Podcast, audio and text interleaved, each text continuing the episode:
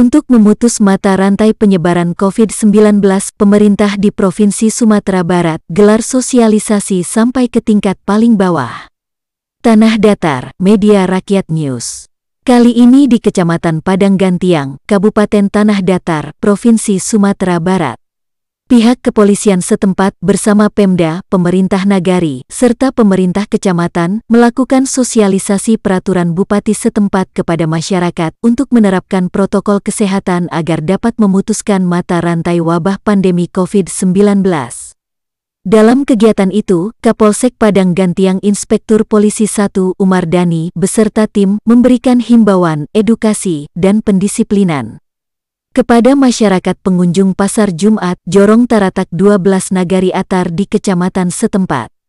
Kegiatan itu menghimbau masyarakat untuk mematuhi protokol kesehatan dalam menghadapi pandemi COVID-19 ketika melaksanakan aktivitas setiap hari. Hal itu sesuai dengan peraturan Bupati Tanah Datar nomor 48 tahun 2020 seperti yang disampaikannya. Kegiatan ini mensosialisasikan tentang kewajiban orang per orang, masyarakat luas, dan pelaku usaha terhadap peraturan Bupati Tanah Datar tersebut, serta sanksi terhadap pelanggar protokol kesehatan sebagai upaya pencegahan dan pengendalian COVID-19, jelasnya kepada media.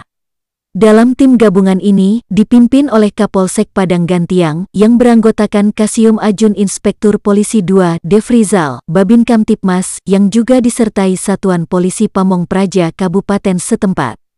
Juga didampingi pemerintah kecamatan dan wali nagari Atar, Haliu Pardi.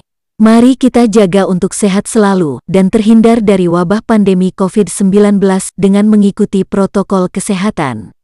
Gunakan selalu masker dan jangan lupa cuci tangan pakai sabun. Dari Tanah Datar, Yopi Sugara melaporkan untuk Indonesia.